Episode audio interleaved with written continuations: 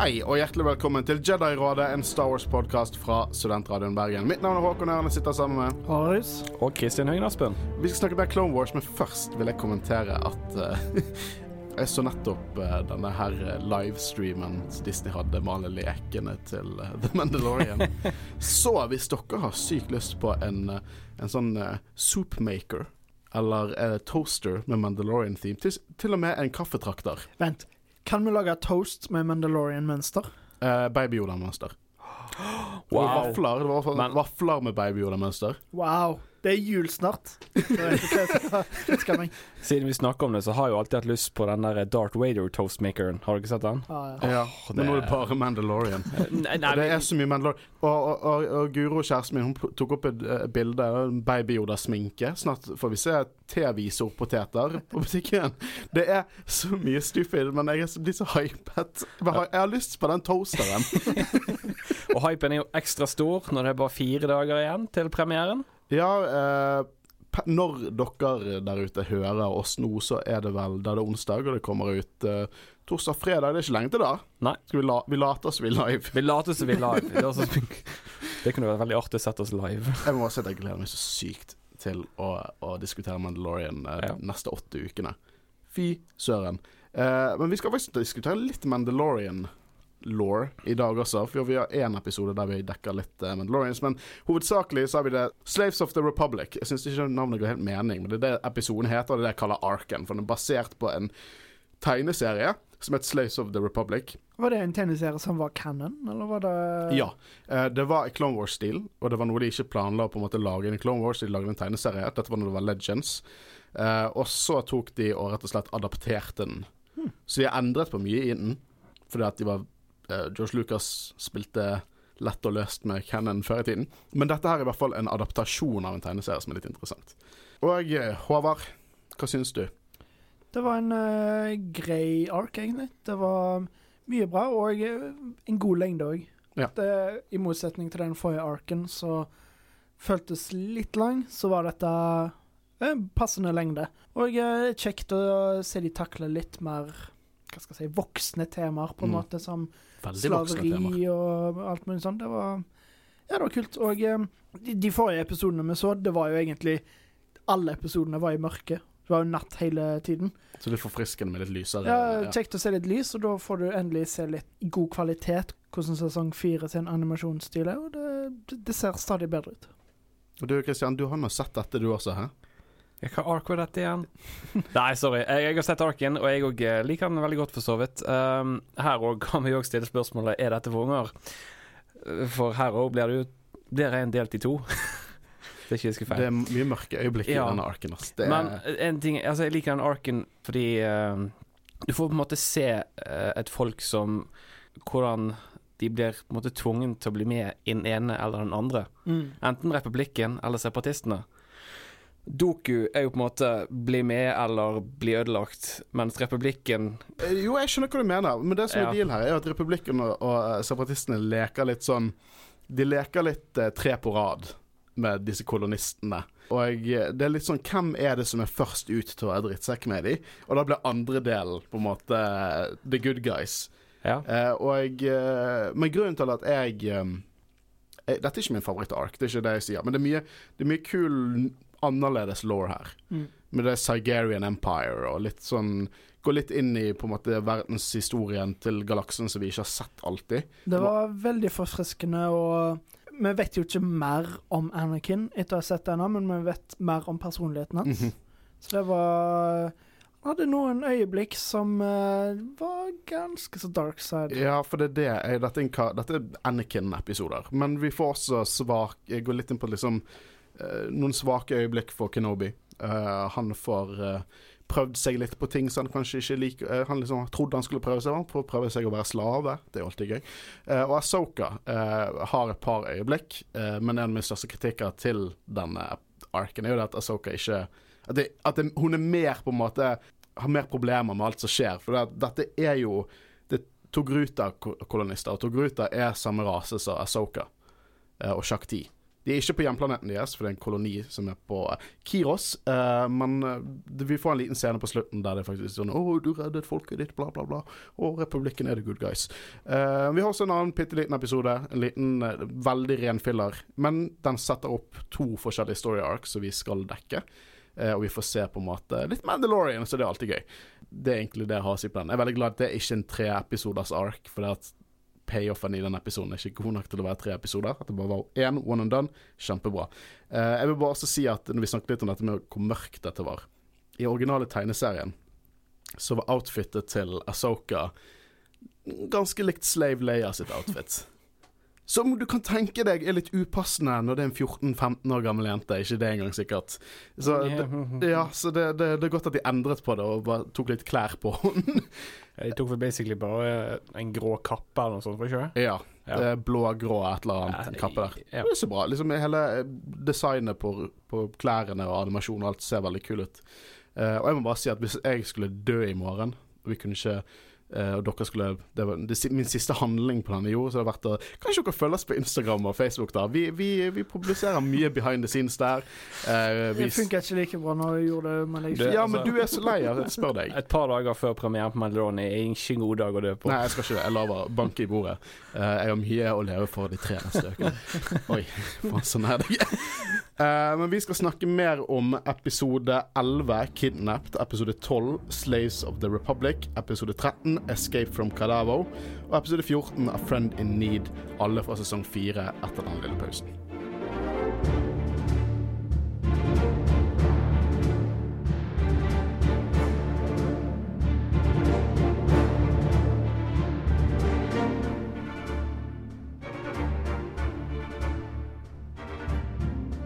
Episode 11 fra sesong 4, 'Kidnapped'. Og eh, vi ble introdusert til eh, kolonien på Kiros med Togruta. Vi snakket jo litt om det i introen. Det er rasen til Asoka. Eh, og de er nøytrale til krigen, der de fleste konflikter starter i klonekrigen. Starter alltid med en fin, nøytral planet som våkner opp fri og fred, og sovner om kvelden til totalt kaos mellom de to, to barna i form av republikk og separatistene. Uh, og jeg vil snakke litt om, om, Kiros. For dette er en uh, fredelig gruppe med kolonister. De er veldig glad i, i, kunst og estetikk, og man ser liksom på bygningene at uh, mye av bygningene ser litt ut som hodene deres. Mm. Jeg, det er noe jeg ikke har tenkt over før når jeg har sett på Asoka, men når jeg ser spesielt han høvdingen, og på en måte litt husene òg, så får jeg litt sånn vibes av sånn native americans. Mm. Litt òg måten han uh, høvdingen snakket på. Han har sånn veldig stereotyp uh, sånn native Å, det er mye sånn, stereotypiske sånn, dialekter i denne arken, skal jeg oh, si deg. I do not like that. Det er sånn veldig sånn der han føles veldig sånn indianeraktig. Ja. Uh, jeg vil si at uh, det, det, jeg vil kalle de, de er a bunch of hippies. Mm. Veldig sånn kunstneriske, liksom Altså, jeg kan se de stående der med en joint i kjeften, altså. Ja da. Uten problem. Og så tenker jeg over hvor stygg den rasen egentlig er.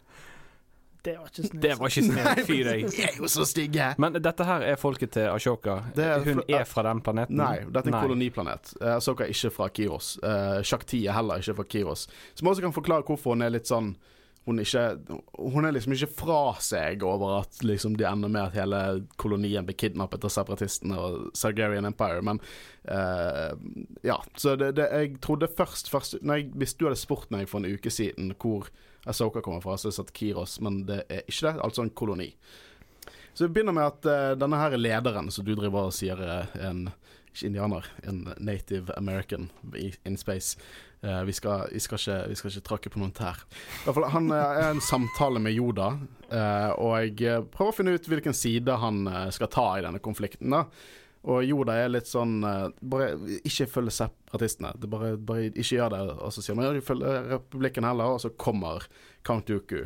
Uh, og jeg lander på planeten, og jeg invaderer. Og så sier jeg egentlig bare går forbi de og bare sånn Hei, vi er og vi skal ha en uh, fredelig okkupasjon til vår og deres nytte. Her er min uh, kompis Denar fra The Sigerian Slave Empire. Han skal bare se litt på folkene deres. Han kommer ut der med bare sikle munn med og se på inventaret av kolonister. Bare samler de opp med en gang. Og Sigerian Empire er det vi får vite her i denne arken, er Uh, tidligere slaveimperie som har tjent penger på å servere slaver til galaksen. Og jeg begynte å tenke litt. Hadde ikke det vært veldig kult om det på en måte hadde vært en, en spiller i High Republic? For de ble stoppet av The Jedi. Men uh, Sigerian Empire det gikk under ca. når, uh, når uh, Jedi vant over Sithene, The Sith Empire. Altså det er så lenge siden? Er altså 1000 år før uh, Clone Wars. Så, og prequel-trilogien, sånn cirka. så det kan jo hende at uh, Jediene rett og slett knuste Sigerian Empire og Sith Empire med én fin slag. så det er godt hende. Det var mye historie mellom Sith og Sigerian Empire. Swoosh. Swoosh. Veldig bra, Christian. Takk! uh, og um, uh, før på en måte Kantuka kom, så har på en måte han Rushdie snakket litt med, med Yoda. Han var nervøs over republikken også, fordi han har hørt så mange historier om folk som ble skadet og drept på en måte mellom uh, crossfire mellom republikken og separatistene. Og hvis det er én ting vi får vite ut ifra denne arken, er at hvem av de sidene som good eller bad, avhenger veldig av planeten og situasjonen. Og hvem som kommer først. Og hvem som kommer først. Uh, og hvorfor de kommer der. Uh, for nå, akkurat i denne arken så er republikken ganske uh, De tilsynelatende ganske gode. De kommer dit for å redde de. men det er mange andre scenarioer der de har kommet fordi de trenger en spesifikk rute eller spesifikk ting for å vinne krigen. men det er godt å se at republikken er kind of good guys, selv om Joda er på en sånn herre Hei, jeg kan tilby deg så og så mange gode perks ved å joine republikken. Og har du snakket med separatistene? De har ikke det vi har. Han, liksom, han er en selger. Altså jeg skal si deg det Hvis jeg hadde fått en telefonsamtale med en selger med Yoda-stemme, så hadde jeg kjøpt alt han hadde spurt meg Hei, kan jeg snakke med lederen din, kanskje? Har du, noen, har du noen andre på telefon? Jeg skjønner ikke hva du sier. Beklager. uh, men Kenobi, Anakin, Ashoka og Rex sammen med sine res respekt... Res Respektive. Respektive bataljoner med kloner eh, ankommer. Eh, de har virkelig gått fullt inn. Ikke bare er Five of First, men nå kommer eh, Rex, eh, nei, Cody og Kenobi sine gutter med på dette. her. Eh, og eh, her er det litt Dette gikk fra 0 til 100 for Kios. De våknet opp og nøt kunsten sin. Kanskje du sier de røykte noe som teknisk sett ikke er lovlig. noe Death Sticks. Og så så på kunsten sin, og så om kvelden så kom fylt av droider og kloner, og de, de ble solgt til uh, Sigerian uh, Slave Empire. You don't wanna buy no dead sticks. I don't wanna buy no dead sticks. Og fight ensues. Uh, hva er det å si her? Jeg liker at kommandodroidene er tilbake. De er alltid skumle fiender. Uh, det er en kul kamp. Mm. Sånn, jeg har litt problemer med å drive og forklare kamper. I, I, forrige uke når vi snakket om Embara-arken, så var det liksom det veldig spesifikt type filmet. Dette, dette er god gammeldags Clone Wars-action. Det, det, blir bedre og bedre hver gang vi, vi ser de begynner med actionscener, men det, det, liksom, det, er ingen scener spesifikt jeg tenker bare sånn wow. Nei, du må liksom bare snakke om, eh, om det er bra action og sånne ting, men òg eh, du kan jo ta inn koreografien, f.eks. Hvordan ja. det er lagt opp, og hvordan de går til angrep og sånt. Men, jeg syns Umbara var bedre. Ja, det er helt enig, men det, det, dårlig, det, blir liksom i den Umbara var det spesifikt, liksom. Ja. Boyle er tilbake.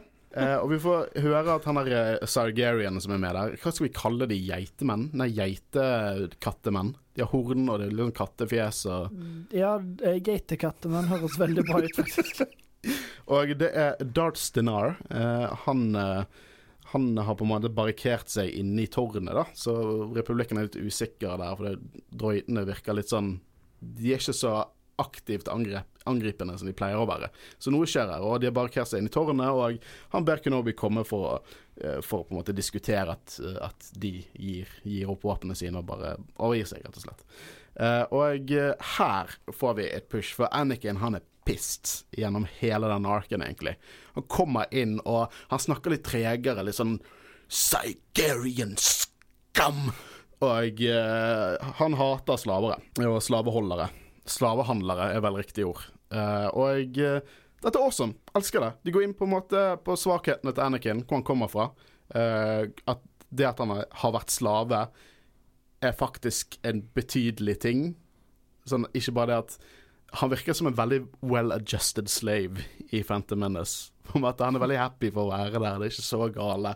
Men han er jo Han har, liksom, han har vært en slave i det eh, Han har, ikke, han har ikke hatt en slave på det nivået, men han føler nok med de som er slaver, for vet hvordan det er å være en slave. Og han er nok sikkert dritforbanna basert på at uh, Shmi døde. Ikke at det var direkte uh, slavehandleren eller slaveeieren. Nei, men det kommer av at hun ble solgt. Ja, sant? Det, det er en sånn, så er konsekvens ja. av hele livet som Shmi hadde opp til da. Det påvirker han. Så det gir mening, og jeg Mm. liker å se disse sidene av, av Anakin.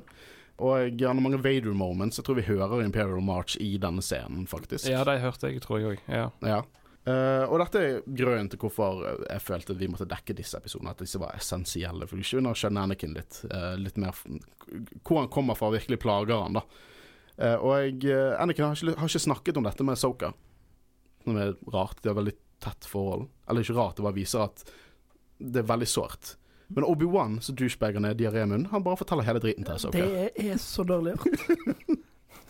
Men til Obi-Wan sitt forsvar, så vil han sikkert Han sier jo bare 'hold et øye med han nå'. Bare vær klar over det. For det gir jo taktisk og alle andre sjanser blir på en måte blir større da at hvis Asoka har hele bildet, da vet hvorfor han plutselig oppfører seg som en gal psykopat, så ja, fordi han var en slave. Hele dealen her er at det er selvfølgelig en felle for Kenobi, som Anakin sa. Og det virker ikke som Kenobi er på en måte ikke overrasket. Så han dukker opp dit, og uh, Denar forteller at han har plassert bomber over hele byen. Vi får en sånn scene der, for han, han, Denar han løser av en bombe. Han sier det var ikke noen kolonister i det bygget, men det kan være det neste. Og, men det går jo utover mange av klonene der ute. Og så ser jeg på en måte mange kloner som ligger der sårete, og Anakin løper bort og passer på de, og andre kloner, Medics, hele pakken. Og jeg har nettopp sett ferdig Rebels. Gled deg over. Det er så jævlig bra. Der skal vi dekke alle episodene, for jeg syns Rebels er helt fantastisk. Faktisk hakket bedre enn Clone Wars, for å være helt ærlig. The Empire har virkelig ikke samme medfølelse med sine falne soldater, altså. der, der, der er det Ponkrell every day. Seven days a week, Ponkrell.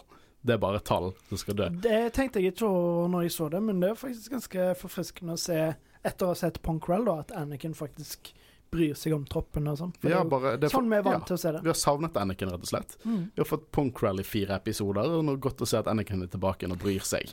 Det er litt sånn uh, OK, se for dere Wader, da.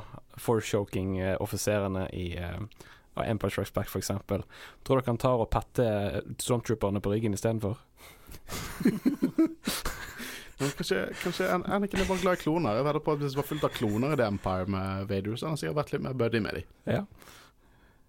Men Anakin og Asoka de skal fikse bombene, mens Kenobi holder Dinar opptatt. Eh, og Dinar begynner å lorddumpe litt. Grann. Snakker om The Great Sigerian Slave Empire og, eh, mot Jedi, og elsker dette her. Det er kjempekult, for det er ikke, det er ikke vanlig law. Det er ikke det vi på en måte er veldig kjent med i, i Star Wars-canon. og, og Kenobi han bruker liksom dette med tradisjon på han da. At han på en måte, vi skal gjøre det på gamle Sargerian-måten og finne ut hvem det er som vinner og taper her. Uh, og da prøver han å lage en deal med han. Og ikke det Jeg tror Denar hadde hedret dette her, da, men han tar det opp og han mener han kan banke Kenobi eh, med bare nevene, og det kan han. Eh, får vi se. Eh, og jeg, uh, vi får høre det at uh, Han driver jo sånn han stor monolog som en skurk mens han banker opp Kenobi, og forklarer liksom det at før så tok Sargeria og forsynte galaksen med slaver i flere tusen år, og det er jo litt dette, dette kule som jeg var litt innpå her tidligere. Jeg fant ikke Sargerians og The Sargerian Slave Empire dukket opp i gamle sånn Marvel-tegneserier før på en måte Dark Horse tok over. Og jeg, jeg Det er ikke mye i Legends om de, men de dukket teknisk sett opp i Legends først. Men Clone Wars er de som virkelig har dypet ut i. Men jeg skulle gjerne sett mer av det. Men jeg får litt sånn, uh, sånn uh, slavegreier. Jeg får litt sånn vibe til gamle Egypt når jeg ser Mm. dette her. Jeg, jeg får litt sånn gamle Egypt, uh, antikke Persia, litt sånn litt Hellas. Det er, sånn, det er en fin miks av de, de kulturene. Ja, og spesielt òg fordi de er jo på en måte Kan du kalle dem kattefolk, på en måte? Hva var det Og vi det- fant ut de skulle kalles? OK, da. Geiter. Nei, nei. Geitekattefolk. Geitekattefolk. Jeg Må ikke du være rasistisk mot geitekattefolk? Unnskyld. OK, jeg, kalle, jeg, jeg syns de ligner på katter, men jeg heter geitekattefolk. De har horn. Ja, de Det har er for geitekattefolk. Ja, faen, de har horn. Ja, greit. Geitekattefolk. uh, gamle Egypt, slaver. GKF. GKF. Geitekattefolk. OK, jeg, jeg gir meg. Ødela jeg hele poenget ditt nå? Å, nei, nei, ikke helt. Poenget mitt var bare at jeg får den viben fra gamle Egypt. Ja, jeg, jeg digger det. det. Mm. Jeg digger når de tar Som sagt, jeg har sagt før, jeg elsker når de tar små sånne ting fra, fra ulike historiske epoker eller hendelser og på en måte tar og spicer det opp med sci-fi-innpakning. Veldig gøy. Så Anakin og Soka de, de på en måte er på bombene, da. Og jeg, eh, så kommer de til første bombe, og Anakin bare kutter den med lightsaberen, og så fungerer det. Han bare sånn 'Hva gjettet'. Jævla psykopat. Hva faen? Og så er det så sykt dårlig skrevne bomber. Jeg må si det. det er, enten så er separatistene så jævlig gjerrige at de kjøper liksom de, de, liksom de mest First Price-bombene de finner. En som krever at du sparker litt på dem, eller noe sånt, så bare blir de deaktivert. Uh, men de gjør det når de, og så, og så, så på en måte er Veldig kult nytt design på noen sånne droider. Sniper droid. Som er sånn, det er egentlig en sånn droidekaber med en sniper og et skjold. Eh, Det var et kreativt og logisk design. Eh, det som jeg ser veldig for meg at ja, det er sånn, Jeg skjønner hvorfor de ble laget. Jeg skjønner mange droider jeg ikke skjønner hvorfor ble laget, men jeg skjønner hvorfor disse spesifikke droidene ble produsert til liksom, kampscenario. Obi-Wan blir banket opp helt til Denara finner ut at bomben er deaktivert, og da skrur Kenobi på Jedi. Eh, og jeg, elsker Kenobi i denne serien. Jeg elsker, elsker hvor sassy han er. Han er veldig arrogant på en måte, men også ganske ydmyk, hvis det gir mening. Eh, Jeg skjønner hva du mener. Ja, og, eh, og så tar jo Denara har en siste på en måte ting han gjør for å komme seg unna, at han skrur på en bombe som er festet til tactical droiden. Hva er det han sier? How, Sir, how could you? Og han Jeg likte ikke de droidene før nå. Jeg synes det var ganske morsomt. og uh, han blir nå kastet ut av tårnet og sprenger, og uh, Anakin og Ahsoka følger etter Denar som løper mot, mot skipet sitt. Og det skipet er ganske kult, syns jeg. Det var veldig annerledes. Jeg ser for meg at det, det passer veldig til Sargerian Empire, passer estetikken. Det er liksom gammelt og rustent ut, som om det på en måte har eksistert i flere tusen år. Jeg vet ikke om det har det. Men det skipet er en uh, YV865 Aurori Class Frighter. Uh, så it's neat looking, og det er alt jeg hadde lyst til å si om det, egentlig. uh, Anakin går helt amok på skipet, da, eh, uten noen tilsynelatende plan. Han bare hopper på skipet med Asoka og bare kutter i vingene, sånn at det krasjland på krasjelanding, liksom.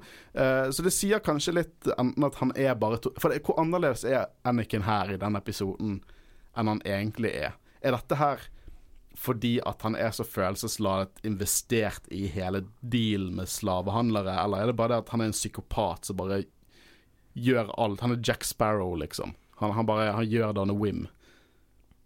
Jeg tolker det som at han bare er sint. At han virkelig brenner for å Han skal knuse trynet på det katte... Ja, koste, koste hva det koste vil. Om liksom han og Asoka dør trying, så fair enough. Uh, så, men det er interessant. Det er ikke noe kritikk til, til eh, Star Wars, er kritikk til Anakin, som om jeg hadde vært i universet. Såpass nerd er jeg. Uh, og vi får se et sånt Blixus-monster. Det er her de dukker opp. Det er i denne episoden de dukker opp. En stor sånn blekksprut-snegl. Det er ikke de fra Force Awakens? Nei. Men jeg em, eh, minner om de. Det, er ikke så mye canon på de, men eh, det kan godt hende at de er sånn felles stamtre til en Sarlacc. Eh, men eh, de, de minnet meg om noe fra Witcher-serien, egentlig. Yeah. Spillserien, altså. Um, og den dør jo en ganske grusom død. Blir kuttet i biter og faller ut. Og Asoka går mot Dinar, eh, og da får vi se en sånn slavepisk, da.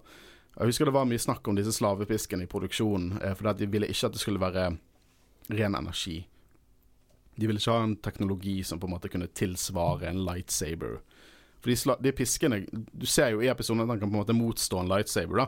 Men det er rett og slett en tråd som kommer ut som er på en måte electrified eller har en energi på seg. Så det er ikke en type lightsaber. Eh, den sla de slavepiskene dukker jo opp senere, dukker opp i Rebels annet. Så det er en kult annet type design. Minner meg litt om Wonder Woman sin lasso, for å helt ærlig. Eh, og uh, Asoka er Asoka. Altså sånn her Oh, time to die, young Jedi. Oh, I'm not so, so young anymore. Fordi at that, that will get him. Så Anakin han prøver å lokalisere kolonistene i alt dette her han gjør nå. Så han, han går full liksom melter han på han, han holder lightsaberen, ikke ignited, da, bare inntil halsen hans. Uh, som jeg vil tro er ganske fryktinngytende. Eh, og ganske skummelt å være på andre siden av det. Og det fungerer jo, da. Uh, fordi at han forteller at uh, Sigerian Queen, dronningen altså, skal holde slavemarked, akkurat som i gamle dager. Og at Sigeria skal igjen bli en mektig, mektig kraftig, eller mektig regjering og spiller i de galaktiske lekene. Og uh, det er ingen kolonialister på planeten, altså. For de lurte på om de var der, men alle er tatt vekk. Det er snakk om 50 000, eller noe sånt. Uh, ikke helt sikker der. Men de har altså blitt kidnappet, og eh, de skal bli solgt som slaver. Og eh, på slutten av denne episoden så sier også Yoda, for han har eh, noe bad feeling about det, så sier også det at slaver var et redskap til uh, The Sith, og at det kan bety at det er noe skumle hensikter bak alt dette her. At noen er med i spillet som ikke de helt er klar over ennå. Som ikke er far-fetched.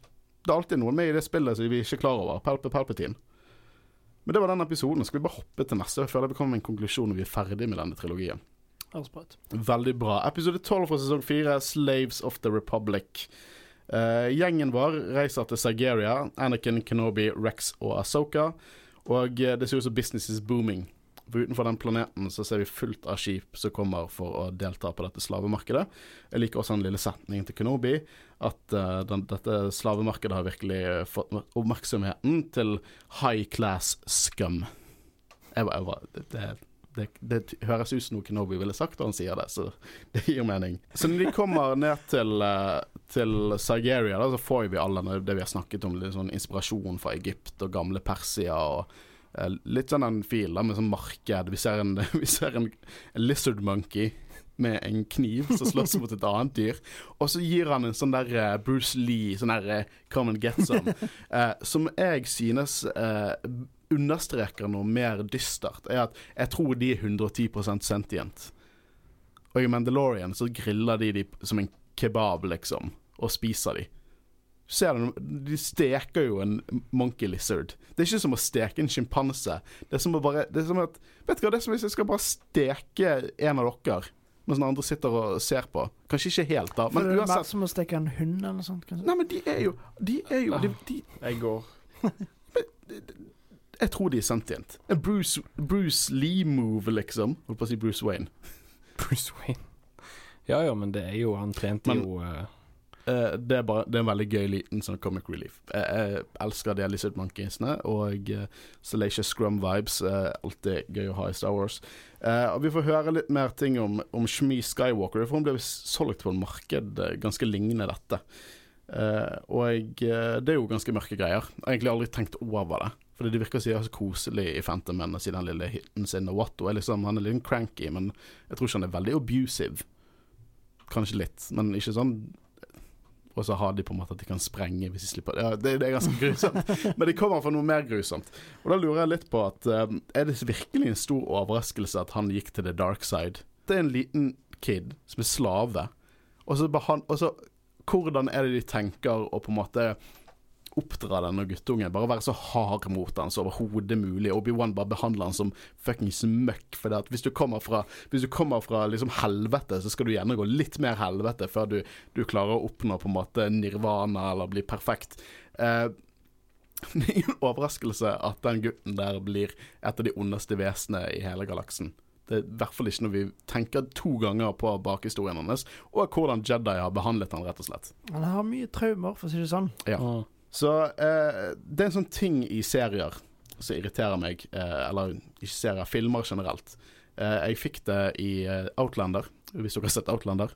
Ja, til og med sesong fire. Ja, Claire hun, hun, er veldig lite opptatt av å på en måte passe inn i tidsæraen hun er på. Så gjør hun mye dumdristig fordi hun kommer med 1940-tallets moderne tankegang, og så prøver hun å på en måte fikse på ting i fortiden, eh, og, eh, og på en måte alle faller, blir satt i fare da, fordi at hun på en måte ikke kan tenke forbi situasjonen hun er i. Og Asoka er litt sånn i denne episoden. For det, hun skal late som hun er en slave og skal bli solgt der. Og hun går selvfølgelig bort og tar en prinsen av Egypt-ting når hun ser eh, en av disse slavehandlerne skal piske en slave, og så går han bort og skal stoppe det. Sant? Det er liksom det, Jeg føler denne, Disse episodene går så litt inn på det der med Jedi, at de har disse De har disse stålbestemte viljen på å gjøre godt. For det har jo Jedi på papiret, men de tenker liksom aldri over konsekvensene av det, da. Og her er et lite sånn mikroeksempel på det.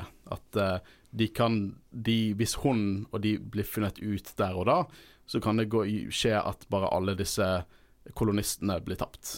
Og jeg sier ikke at dette er ikke en kritikk på storytellingen, det er bare observasjon av karakteren. Hvis dere skjønner. Jeg skjønner veldig godt hva du mener. Men Anakin eh, går jo inn her. De har på seg alle disse kule Sigerian-vakthjelmene og draktene. Veldig kult design på det. But you're no Sigerian. But you wear armor. Veldig stereotyp. Litt offensiv uh, dialekt på disse Sigeriansene. Uh, men Anakin går bort, og han sier, for å stoppe det, så sier han at han har nyheter om en Bruno Denturi til dronningen, og det virker jo som et magisk safe word, for når du bare sier det, så bare dukker det opp en droid foran deg som sier det, du skal rett til dronningen. uh, og det skjer, da. Så Anakin han blir invitert til plasset til dronningen, og han sier han heter Lars Quell. Jeg likte veldig godt at han brukte navnet Lars. Ja. Det gir mening. Bare, er navnet? Han er Lars Duden som uh, ikke gadd å redde min mor. For heter han det? Han er en scumbag uansett, er det det?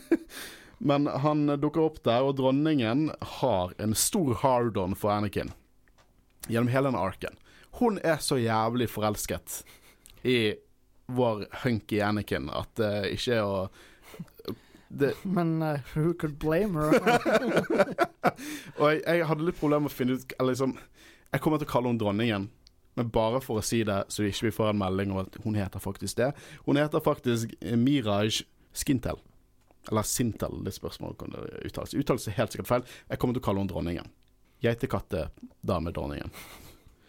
Og uh, Anakin han, han, går med vinden, han flørter som bare faen med henne. Og Uh, og når han hører at uh, Han sier bare det at uh, 'Å, dette er en slave for Bruno sitt, sitt, hus', og han fortalte hvor fin du er, og 'damn, du er enda finere'. og så, når han får høre at dronningen faktisk hater Bruno, så sier han 'Å ja, men forresten, jeg drepte han'. og tok med en slave fra palasset som, på en måte, til hun som gave. Og da blir hun glad. og da tar Asoka enda en av disse tingene som hun sier bare 'Don't dare touch me'. Og det er jo virkelig ikke så lurt. Sånn, play your part, Asoka. Du er en Jedi. Du er ikke så stor fare. Eller, hun, det er, det er ganske farlig, men hun er fortsatt veldig formidabel. Hun, hun klarer seg sjøl, så på en måte play your part. Det er veldig Det er veldig sånn Det er et spill her som kan gå tapt rimelig fort. Uh, så Anniken og dronningen De på en måte Han roer ned situasjonen og driver og hvisker ting i til, i øret hennes og blir sånn oh, Stop it, stop ah, it! lurer sånn på hva han faktisk sa der. Det må ha vært noe så skittent. ja, det tror jeg òg. Jeg tror det var noe jævlig kinky. Jeg tror, jeg tror at eh, det ble masse seksuelle uh, refereringer i uh, denne arken. For hun, hun, ble nesten litt sånn Nei, stopp! nesten litt redd. Men hun likte det også. Men uh, det er en ting jeg har lurt på. Går det an med crossbreeding i Star Wars? Mm. Vi så det i Du var tilfeldigvis ikke med på den episoden. Men Christian, du husker når vi dekket uh, The Deserter? Uh -huh. eh, og da er jo det en klone som har uh, bosatt seg sammen med en Twi'lek, og de har fått seg barn. Hmm. Så ja, det er absolutt mulig. Gjennom spesifikke raser. Og jeg vet ikke hvor Jeg tror ikke det er så realistisk at de som blir født sterile sånn. Men ja, og vi ser også det i Rebels ble det også spesifikt hadde har det vært veldig på dette med mennesker og Twillex. Men jeg vil nå ikke tvile at rett og slett humanoid aliens kunne fått barn sammen. Jeg vedder på at Kanskje litt sånn som mennesker og neandertalere, da. At liksom ja. teknisk sett så hvis du vil, så får du det til. hvis du vil. Ja, tro, ja jeg tror at det, det, er fullt mulig. Men de er på slavemarkedet nå, og jeg eh, Eh, der er Rex og eh, Kenobi. De er jo Jeg glemte å si det. Eh, R2 er med. R2 er med, og han er med Anakin. Men Rex og Kenobi de går på slavemarkedet for å se om de kan finne disse kolonistene. da og jeg, jeg, liker når de går der, ser ut som de vakter, og så kommer det en høtt og bare sier noe til, til Kenobi. Så det første jeg tenkte på, det var kanskje fordi at jeg, jeg jobber liksom i en servicejobb. Og da tenkte jeg bare sånn at han sa sånn oh, I want to speak to your manager, eller et eller annet sånt når han gikk forbi han. For han bare dunker av ned, litt sånn sint. Han går inn og Kenobi var i veien, han bare gikk der. Og så leter han etter, etter slaver. Men Obi-Wan finner guvernør Rushdie, da, det er han eh, gamle fra forrige episode. Og de drar han opp derifra, og så finner de en sånn flyveøgle og skal prøve å slippe unna. Jeg vil bare poengtere at Kenobi har hatt god trening før uh, Revenge of the Sith med teori på store øgler. Eh, det er sikkert en part-time. Han har sikkert en gård med fullt av sånne øglebeist som han rir på.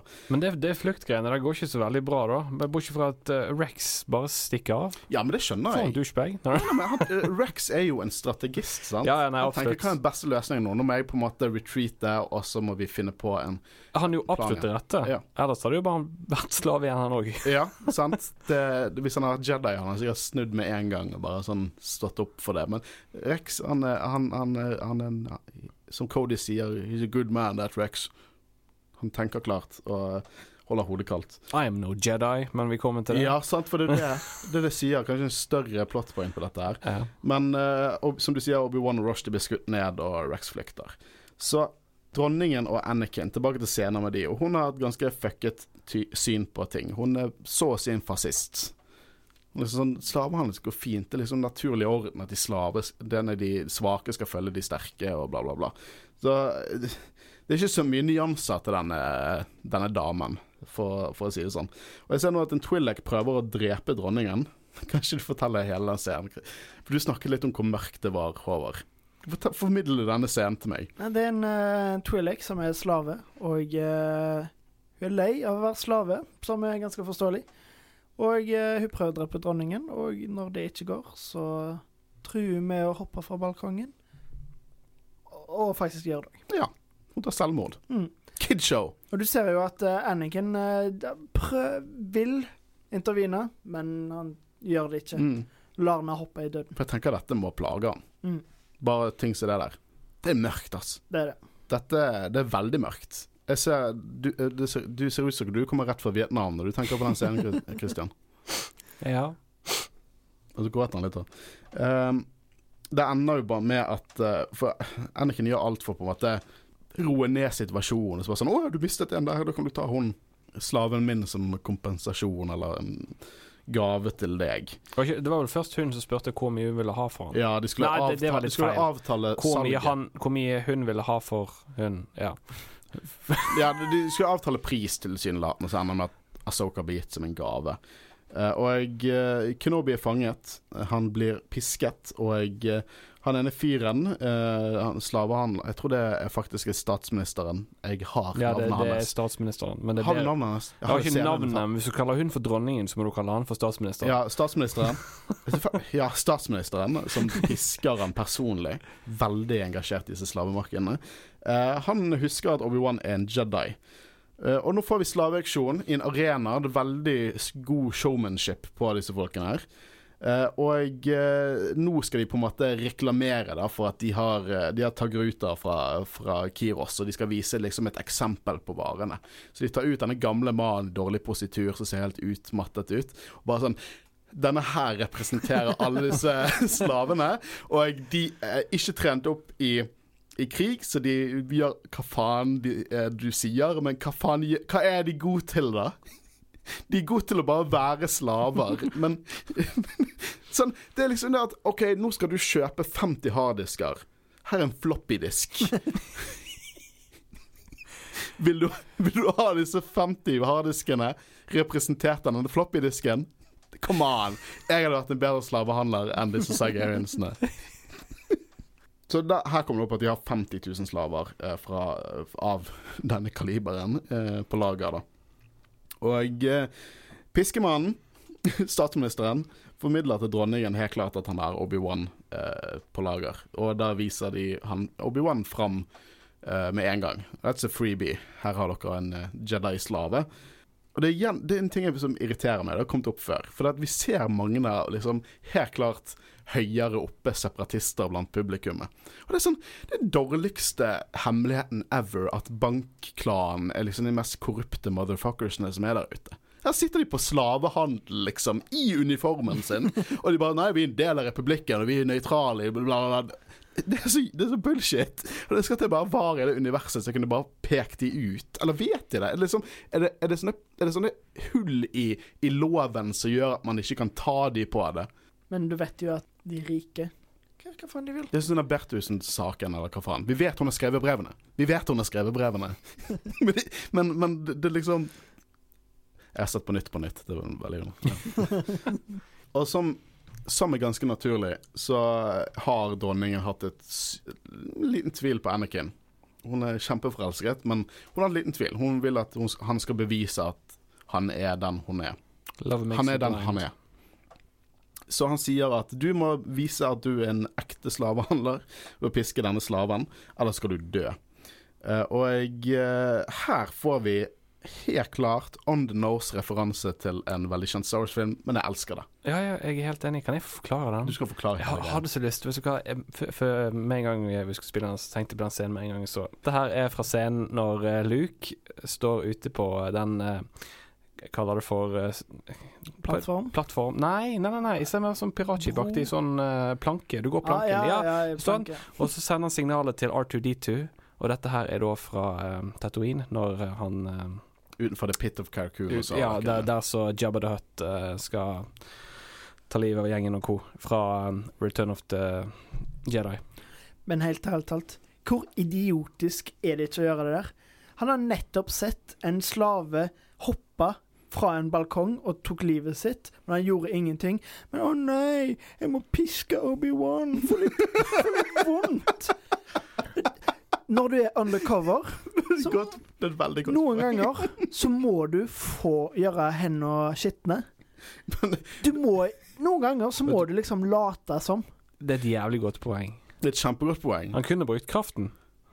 Han kunne òg piske Obi-Wan, og så hadde han fortsatt vært undercover. Og så hadde Obi-Wan vært sinna for å ha pisket den. Han kunne òg etterpå bare sagt um, You will forget this.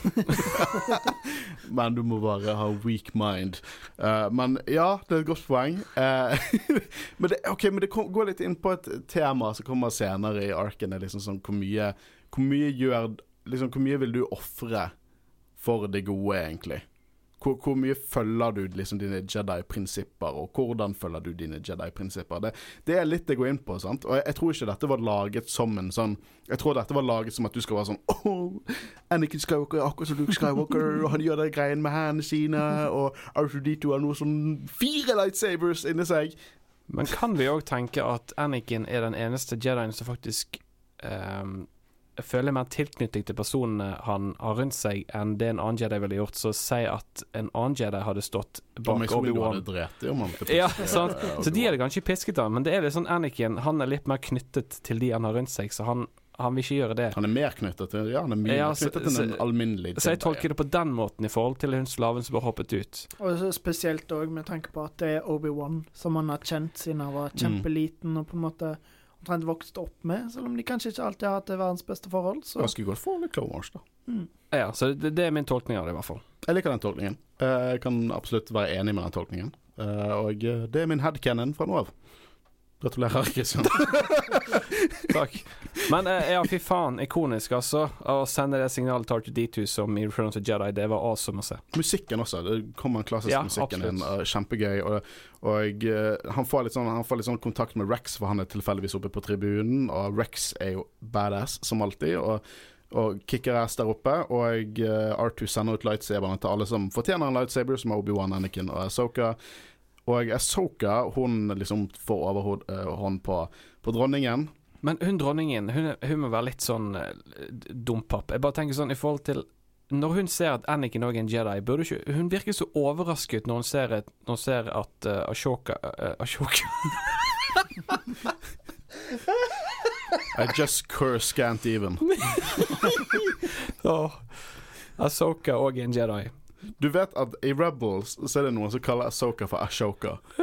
Så jeg kan si at du, ifølge Cannon, så er ikke du nødvendigvis langt vekke når du kaller henne Ja, men når jeg sier Ashoka, så høres det ut som du skal choke. Ja, Men apropos det, de her chokerne de har så, Og du snakker om dompap. Så det første Ahsoka gjør når lightsaberen er tilbake, igjen, er ikke på en måte fjerne Nei, det, det- halsbåndet hun har foran, på halsen sin. Hva trodde hun det var? Liksom eh, Fashion? Kanskje det er det første du bør gjøre. Det er jo, de er jo Jedi. De, klarer, de bruker jo det til å ta av håndjern på folk. Så hadde hun bare zzz mot halsen sin, og så er hun good to go. Men nei da, hun står der, og så bare tar eh, dronningen og bare trykker på en knapp, og så bare faller hun ned. Det samme skjer med alle. Alle de piskene er jo veldig effektive her, og de tar ut uh, alle Jediene som er å ta ut der. Så denne scenen liker jeg. Uh, for jeg, jeg, jeg, liker hvor dron det, det, det, Forholdet mellom dronningen og Anakin er veldig interessant, syns jeg. For alle, begge prøver på en måte å overhånd hele tiden, og så går ikke ting akkurat som de, de ønsker. Så Anakin våkner opp hos dronningen, og hun fortsetter med sånn evil-snakk. Helt til Anakin bare Han sier ikke noe. Han bare går bort og begynner å force choke henne. Vader-style. Ingen ord, bare force-chokeren. Uh, og um, han slutter når hun sier at dine venner kommer til å dø, også kolonistene sikkert, hvis ikke hun, han går med på det, eller hører hun ut. Jeg syns det var veldig interessant å se at han bruker force choke, fordi det er vel første gang kronologisk at han vi ser at han bruker det? Nei, han brukte det vel mot uh, Han brukte det med, under de her Brain Invaders-episodene når de der eh, ormene fra Geonosis eh, tok over kloner. Da gikk han til Poggle the Lesser og brukte force choke på Er det noe vi har dekket? Du, vi har dekket, ja.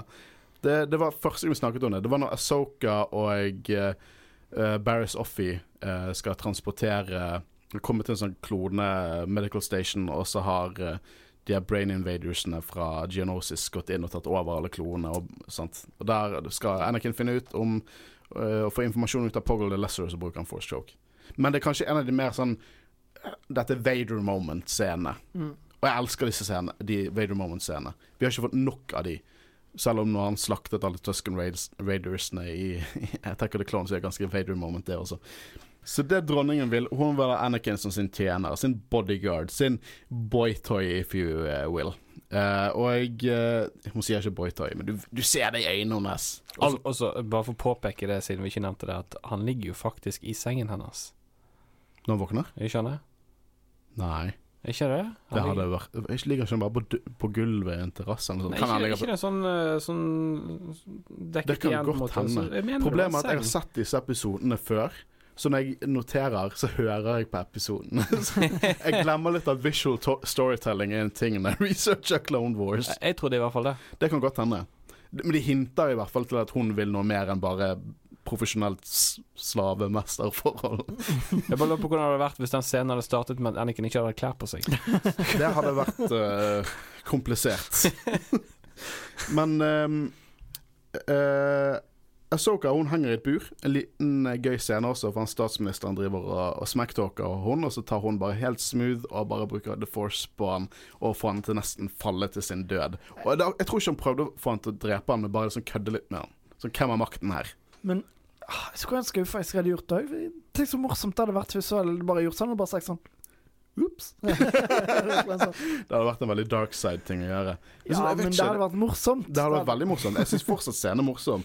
Men så viser det også det at Asoka er jo ikke på toppen her, fordi at uh, han har jo Hun har det skjedet hun aldri tror funker. Det funker, og han bruker liksom og stønner henne. Det, det, det, er ikke gøy. Um, og så en liten ting. Hva faen betyr skugg? Jeg tenkte på det gjennom hele episoden. For Sargerians bruker ordet skugg. Ja, jeg, eh, jeg, måtte google det, og det eneste som sto, var bare at det var et skjellsord. ja, Sargerian skjellsord, rett og slett. Jeg prøvde å altså. På en måte som scum. Litt som Siberian skugg. Ja, I guess. Ja. Det er noe Det vil anta Det er mest Jeg bare ønsker at det var en sånn Jeg hadde ønsket det var en sånn tresiders Wikipedia-artikkel om ordet skugg. Det var det jeg håpte litt på. Igjen til ordskiftet. Ja, og vi burde nesten hatt en sånn fictional uh, Star Wars language-episode med ordskifte. uh, men Obi-Wan og Rex uh, og Rushdie de blir transportert til en annen planet, faktisk. Til en Skal jeg kalle det hva det, det er? Mm -hmm. En konsentrasjonsleir. ja. Det er det det er. på Kadavo. og Keeper Agrusa Keeper Argrus Spiller han fotball? Sorry. Det første jeg tenkte, er Argrus en sånn kjent fotballspiller? keeper. Nei, keeper Agrus Agrus? Han spiller for grus? ja, i hvert fall. Eh, når eh, Rex og Kenobi og co. dukker opp der, så bare har han et par kolonister på lager og bare sånn, slipper de ned i en stor eh, hull i jorden under dette konsentrasjonsleiren. Eh, og jeg eh, For en feil måte å dø på. Ja. Bare falle. ja, raskt, da. Ja, men eh, det er gode 30 sekunder der du bare vet at oh. Du begynner vel å kjede deg. Nei, jeg ville ikke akkurat sagt at jeg ville kjede meg, men eh, Du får gjøre det beste ut av det, flagre litt med vingene. Og. Ja. Det er litt sånn når vi hoppet fra Småpudden i sommer. Syv og en halv meter, hevder eh, Guro. Siden det var, vannet var sånn som det var. Og det, var, det var lange sekunder det. jævlig vondt i ræven, for jeg traff feil. Men hva er det vi snakker om nå, egentlig? Anniken og dronningen er på en romantisk tur på disse flyveøglene, og dronningen eh, gjetter at Anniken har vært en slave. Eh, og en av tingene hun nevner, er at grunnen til hvorfor hun tror det, er fordi at han, han absolutt følger noe som er større enn seg sjøl og sine venner, og det er en grunn til at, eh, han, at hun senser at han har vært slave. Og han sier at liksom dette commitment er ikke slaveri, på en måte. Men det er litt interessant å si det, for jeg synes jo hvordan Jedi føler, følger Jedi-ordren kan på en måte Det er noen prinsipper som virkelig tar fra dem friheten, i hvert fall på papiret. Og hvis de gjør noe imot de prinsippene, så blir de på en måte kastet ut eller straffet eller sett på som the dark side. Eh, så det er, noe, det er jo noe hun sier der, da. Jeg syns ikke det noe av det hun sier er faktisk noe annet enn evil fascistsnakk, men Så dronningen, hun, eh, hun, eh, hun er litt fortvilet, da. Fordi at eh, Anniken sier hun har all makten. Men, men hun vil at Hunky Annie skal like hun av seg sjøl, ikke fordi at er, han er slaven. Det frustrerer hun. Så hun sier at hun kan frigjøre vennene dersom Anniken lover å bli hos henne. Hadde Anniken gjort det Han gjør jo ikke det, men hadde han gjort det? Hvis han ble tvunget til det? Kanskje ikke så han ble tvunget, men Jeg tror ikke ikke, ikke av fri vilje. Jeg tror, det, jeg tror ikke Anakin hadde gjort det. Men det er jo ikke Altså, han hadde kanskje gjort avtale, men han hadde ikke holdt ord. Ja, ja, han hadde ikke Han hadde ikke holdt ordet. Liksom, han hadde, liksom Obi-Wan og Ahsoka er jævlig viktig for han. Mm. Jeg tror Anakin sitt eget liv er også veldig viktig for Anakin, tror jeg. Men dessuten, du vet Padmay. Ja, men òg Det er Clone Wars. Alt ordner seg til slutt. Så Noen har ikke tatt sesong syv. Ikke si noe mer, da. Men nå hopper vi over til neste episode, så da har vi en mer dypere eh, kommunikasjon eh, om dette på slutten av eh, når vi er ferdig med denne arken. For nå skal vi snakke om episode 13, 'Escape from Cadavo'. Interessant situasjon til Kenobi her, for han er rett og slett slave. Eh, og jeg eh, Jeg synes at hele denne her eh, Jeg synes at det er noen paralleller her. Ikke paralleller, men noen små hint av kanskje litt med Luke i Last Jedi her. Eh, Bare hør meg ut. Eh, fordi at Kenobi og Rex er slaver sammen med kolonistene, og noen av slavehandlerne straffer Kenobi for å snakke høyt. Og de straffer han ved å drive og plage en kolonist. Og Kenobi prøver selvfølgelig å redde, men liksom the Jedi way. Og prøver å redde, men han viser bare konsekvensene av sine handlinger går utover alle de andre. Og eh, det ender med at han faktisk kaller slavehandleren master og trygler om at han skal slutte å plage denne kolonisten. Og når han snakker med kolonisten etterpå, så sier han bare 'ikke rør meg, alt dere Jedi gjør, bare skal føre til mer eh, problemer og skader'. Liksom. Det er litt dette her med at Jedi er veldig på dette her med og, og denne troen om å hjelpe folk, sant? Koster, og det koster nesten svart og hvitt hvordan de ser på ting. Og at ofte tenker ikke de på Crossfire. Og når vi snakker, vi snakker litt om sesong syv, så er det noen av de ikke de beste episodene i sesong syv, men der går de litt inn på dette her med, med hva er konsekvensene for disse handlingene som Jediene gjør. Hvem, hvem er det vi ikke ser som faktisk blir påvirket av det? Eh, Negative konsekvenser. Så jeg føler at uh, Kenobi får en liten lærepenge av nyansene i verden, rett og slett. Ting, det er ikke bare bare å, å gjøre det tilsynelatende gode foran seg. Mm. Det er forfriskende å si, egentlig. Mm. At uh, ting har negative konsekvenser. Ja, og det kan være noe hull i tankegangen til hvordan Jedi uh, håndterer og, og kanskje på mange måter så er de mer på med liksom følelsesladede handlinger enn det man skulle trodd de var. Mm.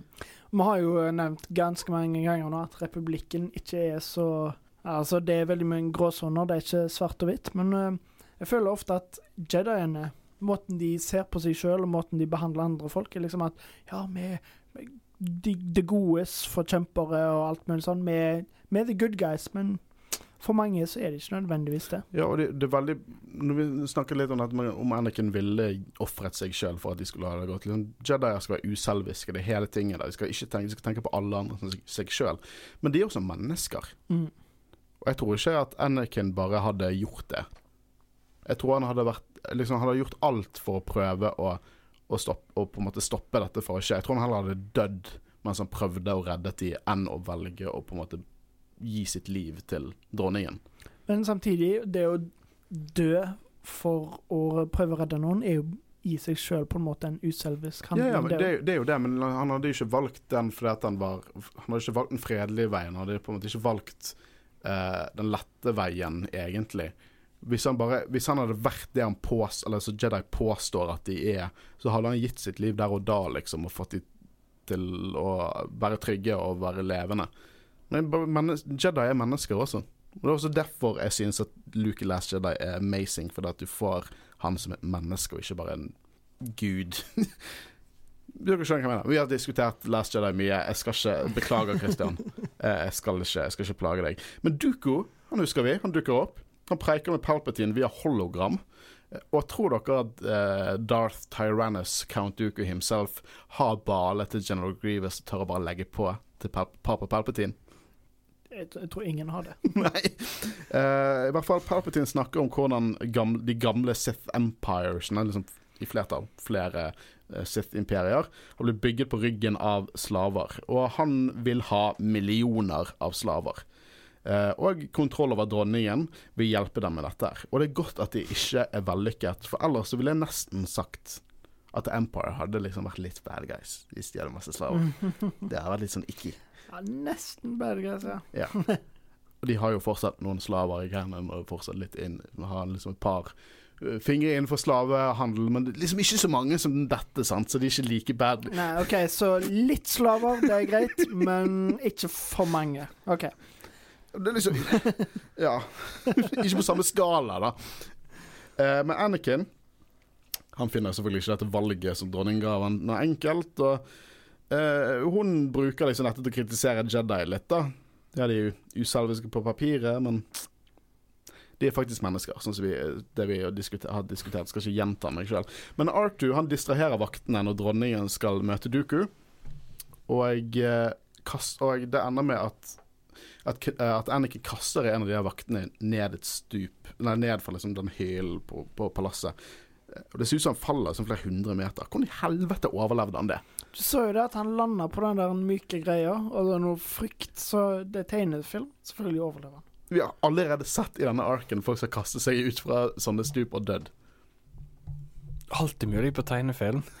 Har ikke du sett en episode av Pokémon? Ash ble sprøyt med flammer hele tiden. Men når han red på liksom eh, den flammeponnien Flammeponni i Pokémon. Som er sånn er på, på Nita. Ja, Ponita. Liponita. På Nita. Ponita. Ja, det er lenge siden jeg har sett Pokémon. I hvert fall, ja. Han brenner Hva snakket vi om? Star Wars. Vi snakker om Star Wars!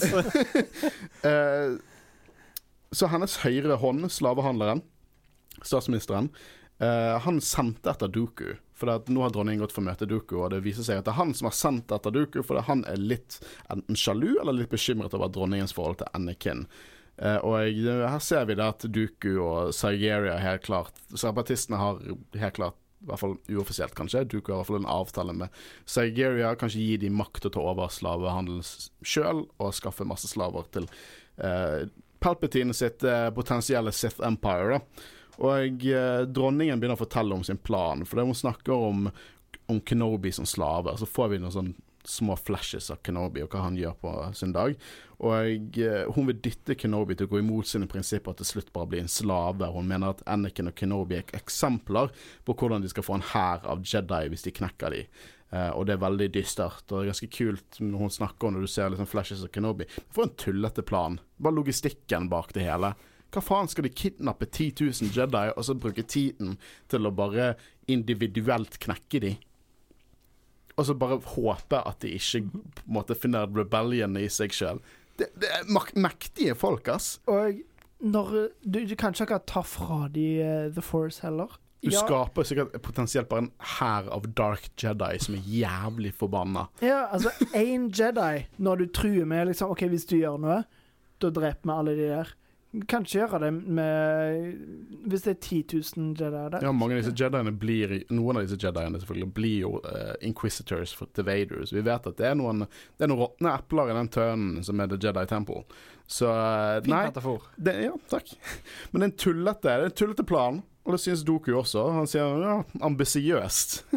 Men det er ikke planen min. Jeg vil ikke ha en Jedi her. Jeg vil ikke at Jedi-ordren skal overleve i noen form. Jeg vil knuse Jedi-ordren.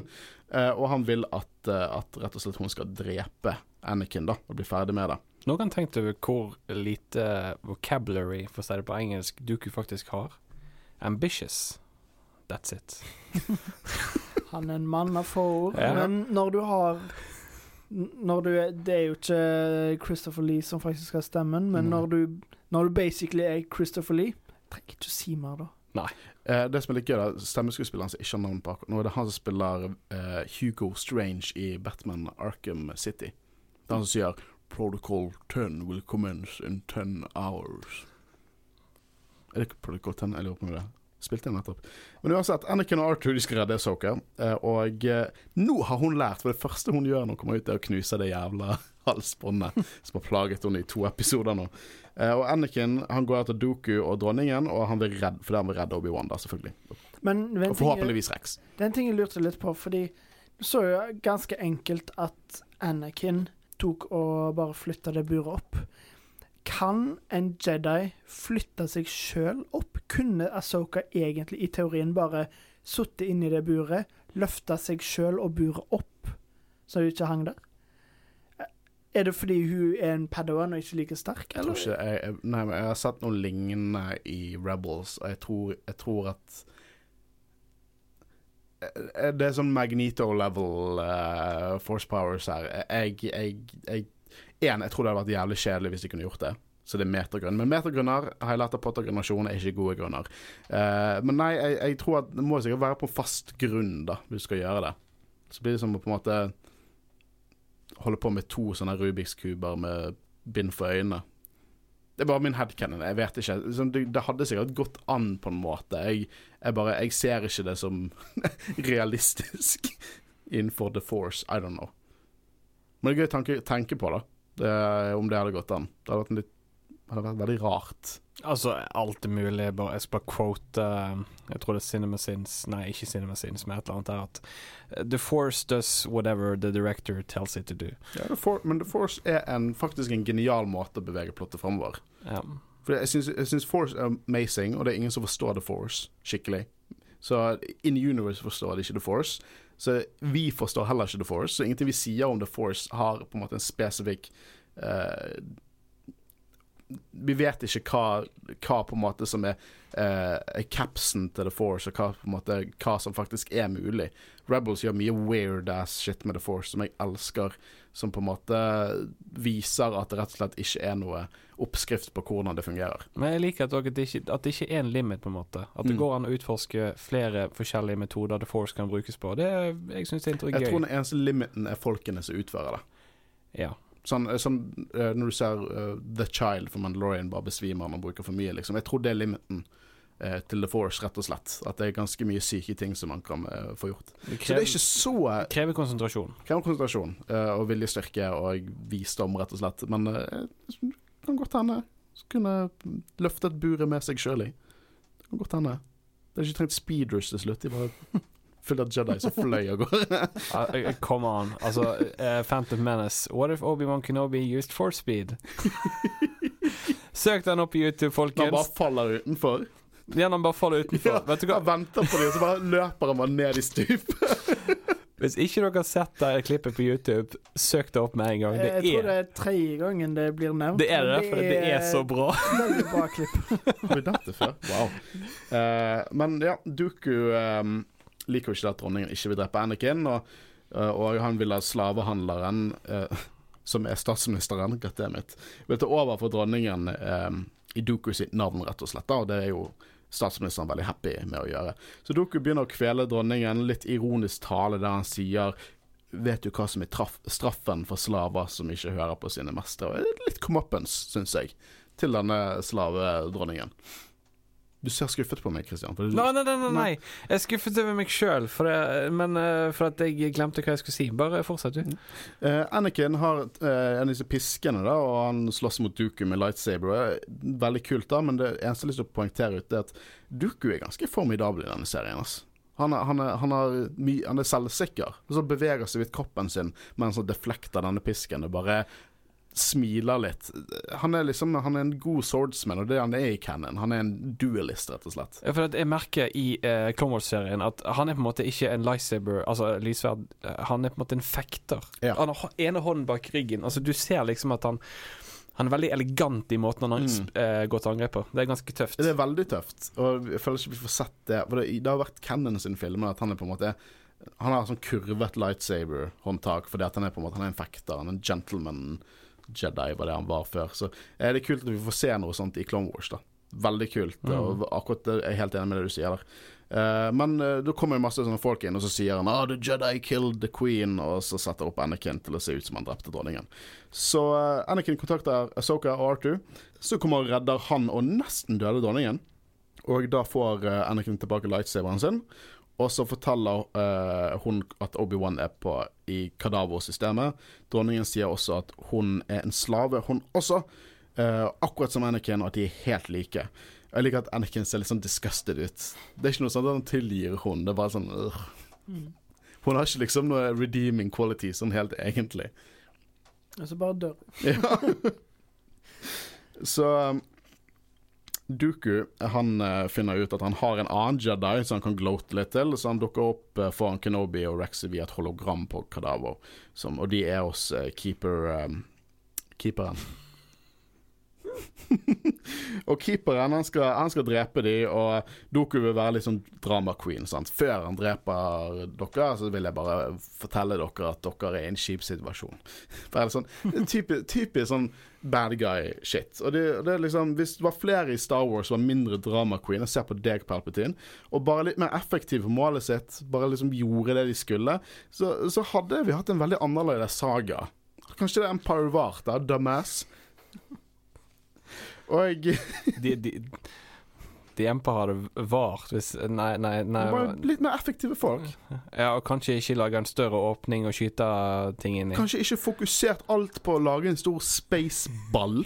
Som på en måte skulle bevise om dere vant eller tapte. Liksom, kanskje litt mer realistiske mål. Eh, men i hvert fall um, Anakin, Asoka og Arthur dukker opp, og eh, Duku vil holde liksom kolonistene og værende som gissel. De vil at Anakin skal legge ned våpenet, eller så dreper han kolonistene og, og eh, Obi-Wan og Rex. Og uh, Anakin gjør ikke dette, og først tenker jeg bare sånn Å, han er Jedi, han driter i konsekvensen. Til og med Kenobi prøver å snakke han ned. Men nei, for det er fordi det klone dukker opp med Plo Koon, og vi vet hvordan vi elsker Plo Koon. Å, han er så kul. Ja. Men vet du hva som er kult? Er det Wolfpack i Phase 2-rustninger. Uh, for det er Commander Wolf er den feteste forbanna bare designmessige klonen som finnes. Jeg har så lyst på en actionfigur av Commander Wolf. Han har helt unik hjelm, grå og sånne ulveskjever og ting malt på. The Wolfpack er bare amazing. Jeg elsker de klonerustningene. De, de er så kule. Um, jeg liker at begge googler Commander Wolf nå. Nei, jeg skulle bare finne noe jeg hadde skrevet ned. Jeg googler Commander Wolf. all right, all right. all right, right. Eh, og Bare, bare, for, bare for å ta eh, Matthew McConaughey der. All right, all right, all right! Wow. Uh, og så er jo det på en måte mye kul action. Det er en kul space action på ground, ikke space, men og, og på en måte over uh, denne Kadavo-festningen. og Det er alltid kult å se sånne kule manøvre i Ja. fly. Sånn som når uh, Plokun bare sier 'turn off the engines' eller et eller annet sånt, og så bare fyker han bakover. Og så bare fyker han bakover, og så skyter han de uh, bakfra. Åh, dritkult. det, det er veldig kult. Og, Det er så gøy, og når du får til det i uh, Star Wars Squadrons. ja, jeg satt og tenkte på det. Det er en squadrons move. Det er så sykt en squadrons move. Jeg, jeg prøvde det nylig igjen, og jeg har ikke spilt det på et par uker. Jeg er så dårlig nå. Jeg klarer ikke en Har du, opp, har, du, har, du, opprettholdt skillsene dine? Uh, nei, jeg har vært så opptatt med skole. Jeg har ikke Det er tricky ass spill å Det mestre. er vanskelig. Altså.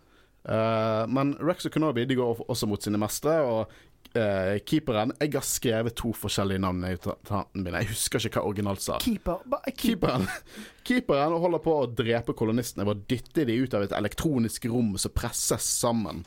Eh, veldig eh, intrikat. Og jeg, da skal Asoka si Da sier hun hun skal redde folket sitt, så vi begynner å tenke ja, hun ser på som folket sitt. Og uh, Anniken skal fikse disse tårnene, for at de kan ikke hente de derifra. De kan ikke komme seg over til plattformen, alt er låst ned. Så de må rett og slett ta en cruiser unna basen. Eh, og eh, få de til å hoppe ned på cruiseren. Det kan de ikke gjøre når tårene eh, er i gang. Så det er en scene der vi på en måte får Anakin som hopper inn etter tårnet, tar det over, begynner å skyte rundt på de andre tårnene. Og Obi-Wan og de får overtaket på, og, og han på keeperen, og keeperen sier Og du vil ikke drepe en, drepe en mann uten våpen. Det er ikke the Jedi way. Og så tar, tar Rex og bare kaster et forbanna elektrisk spyd inn i magen. Og så sier han 'Jeg er ikke en forbanna Jedi, bitch'. Nå så fikk den her litt sånn vibe fra um, eh, eh, eh, Ringenes herre. Ja, Ringenes herre. Hva hun heter Hjelp meg. Uh, Eowyn. Eowyn når hun sier 'I'm no man'. Uh, Originalskriftet sa han 'You look upon a woman'. Ikke like badass. Men eh, det er enda mer badass for Ringnes herre, uten tvil. Men eh, det, var, det var veldig kult. Og det, dette går jo helt fint. Eh, det, er de, de det er en veldig kul, balansert actionscene med ulike nivåer som skjer. At du på en måte har også cruiseren som går under, og da ser du Wolfpack med jetpackene sine, og de er så jævlig awesome. Men, Og Plo Koon i luften, og Anakin oppe i tårnet, og Kenobi og Rex der inne og begynner å kicke ass. Det er en veldig kul actionscene. men når dere tenker altså eh, Obi-Wan Kenobi får, får det spørsmålet fra han at eh, 'No Jedi will kill me', og så bare ser han bort på Rex, og han bare dreper You han. got this. You got this, liksom. Do you mind? mind? han, ha, do you mind? Liksom. han er jo på en måte medvirkende i det drapet, da. For at selv om han ikke ville drepe han, så sendte han jo basically et signal. Drep han. Jeg bare sånn Jeg skal ikke drepe deg, men han skal få lov til å gjøre det. Det, det, det er liksom sånn Det er type Batman i Batman Begins. I'm not gonna kill you, but I don't have to save you. Eh, og så dør Liam Neeson. Eh, men da gir Plo Koon ordren om å sprenge hele stasjonen. Alle gunshipene begynner å sprenge. Og, En ting jeg syns jeg, jeg må bare si Var det ikke 50 000 slaver? Var 20 stykker som hoppet ned? Hva, hva skjedde med alle de andre? Jeg vet da faen! Har de bare, bare sprengt de? har de bare glemt de inni der? Og så Så skyter de ja, ned. shit». Og så skjøt de det ned. De skjøt ned hele driten. Jeg håper det ikke var andre slaver der enn de her to folkene der, da. Et jævlig godt poeng. Glemte alle andre. Så bare Ops. Eh, jeg antar de bare kutter Jeg vet da faen, jeg. Jeg, jeg, jeg vet ikke. Så, så, så egentlig kan du tenke deg at eh, republikken drepte nå faktisk Du kan nesten si 49 000 slaver. Men uh, han, eh, han der chieftain-fyren Han takker jo for hjelpen etterpå. Han ville ikke takke hvis de hadde dødd. Så Nei.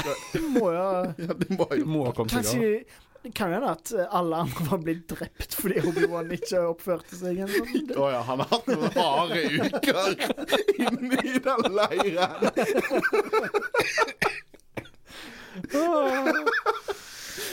Wow. Uh, men i hvert fall Rushdie og de er på toppen, og, og han takker alle sammen og har en liten samtale med Asoka. Og eh, og jeg er gjerne litt redd for felles PTSD, så jeg tror det er noe der inne med at de har drept nesten 50 000 slaver foran Kenobi. Men så sier han da at de får vel joine republikken. Eh, og da er det litt sånn hvem var først ute? Så no, er, Han har jo ikke så mye valg, da, så han joiner republikken. Eh, men det var Slaves of the Republic-arken, og hva, hva synes vi? Egentlig Som jeg sa innledningsvis, jeg syns det er en veldig voksent De tar opp voksne temaer. Ja, gjør det. Eh, og det er jo òg veldig gøy å se mer av Anakin, som bare er sint. Det er konsekvenser av det som faktisk har skjedd med han, da, Mm. syns jeg. Det understreker at eh, det, det, liksom, det er ikke bare bare å være slave, ikke at vi har noe innblikk i det. Men i hvert fall det understreker at det kan på en måte påvirke en person. og Det helt klart påvirker han, som helt klart jeg mener bygger med på det som skjer når han blir Vader. Men Christian, du er jo Star Wars-fan. Hva er dine, ikke dette trekk? hva, hva, er klo, hva er dine kloke ord om dette? her?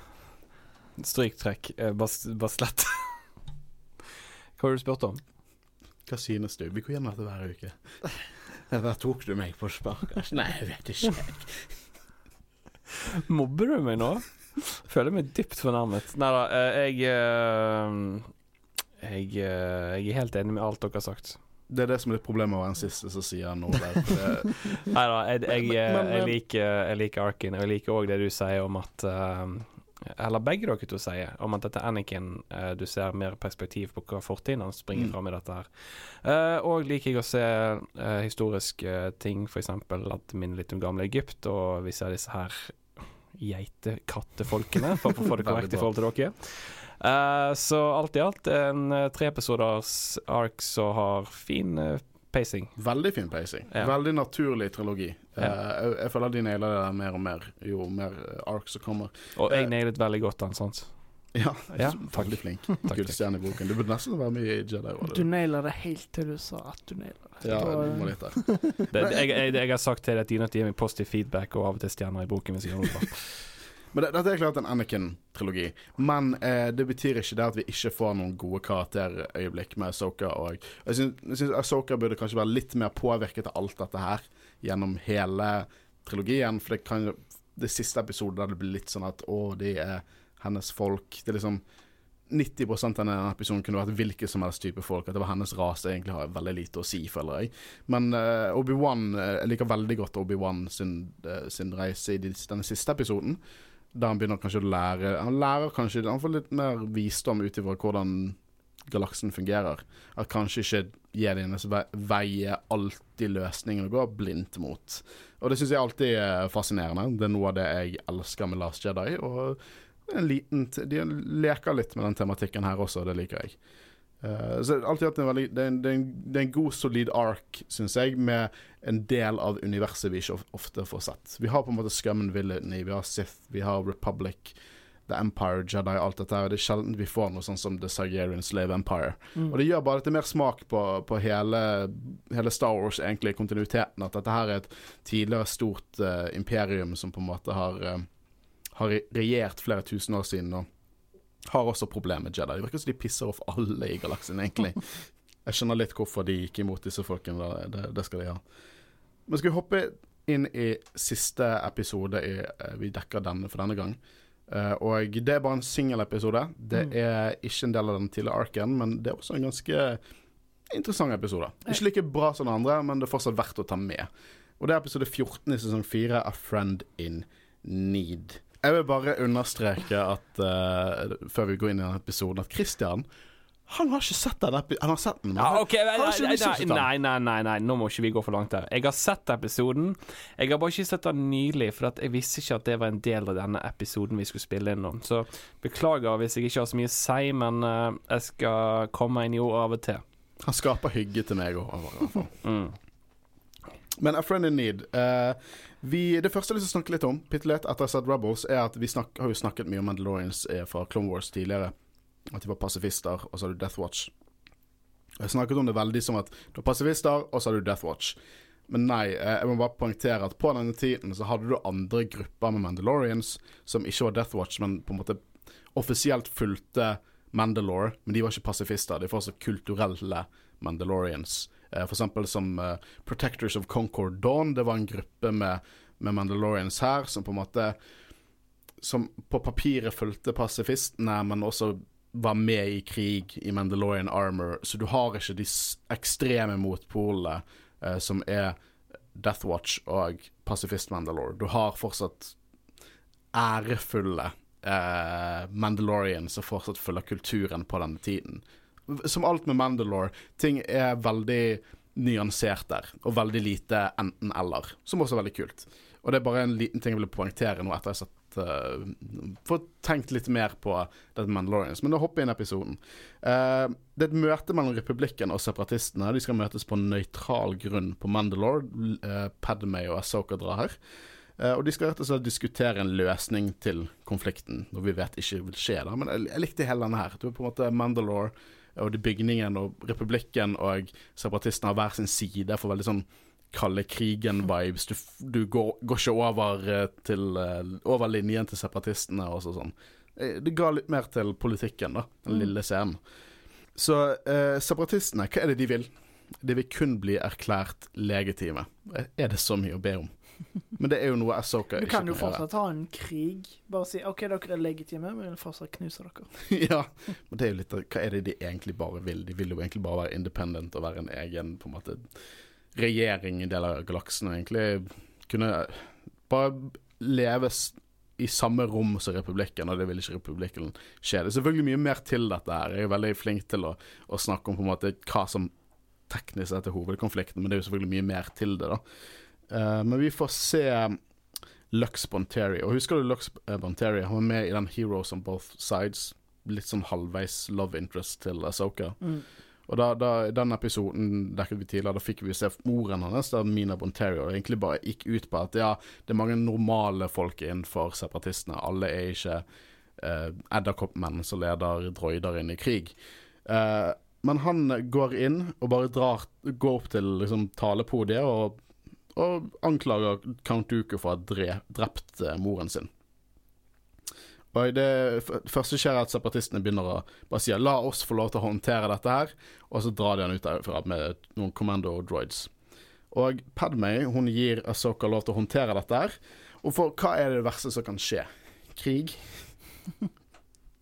Og eh, Hun blir bedt om å være diskré, men eh, hun er alt annet enn diskré. ikke diskré i det hele tatt. Holy shit. For det er sånn, hele dealen er at eh, hun kommer der, og separatister og republikken har på en måte hver sin side de ikke skal eh, krysse eller gå i konflikt. Og jeg, på separatistsiden så hopper jo Asoka rundt omkring, og vi går inn i skipet, og der er det hologrammet Duku som, som driver og snakker til uh, Ponteri. Og ganske frekk, sier sånn her Jeg vet ikke om jeg husker å ha drept moren din. Jeg husker de basert på hvor viktig de er.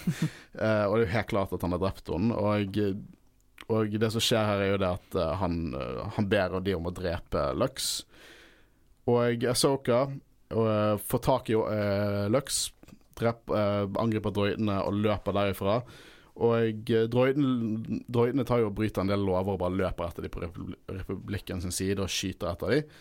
Og så løper de ut der, kommer masse republikanske vakter.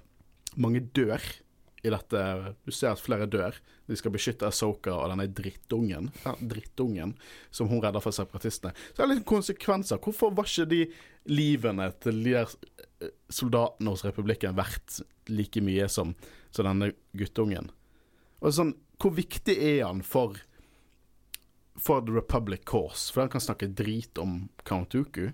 Hvor mye propaganda går ikke rundt her omkring? Jeg føler akkurat dette her er jo nesten Asoka som bare bruker eh, Tenker ikke på eh, konsekvenser, hun bare opptatt etter følelser og liksom Ja, du kan, og det, det, han. det er ikke bare- greit at han, at han blir drept, for det er urettferdig.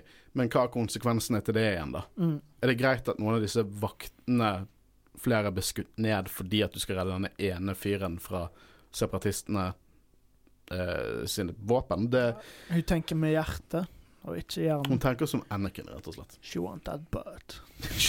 She want that butt.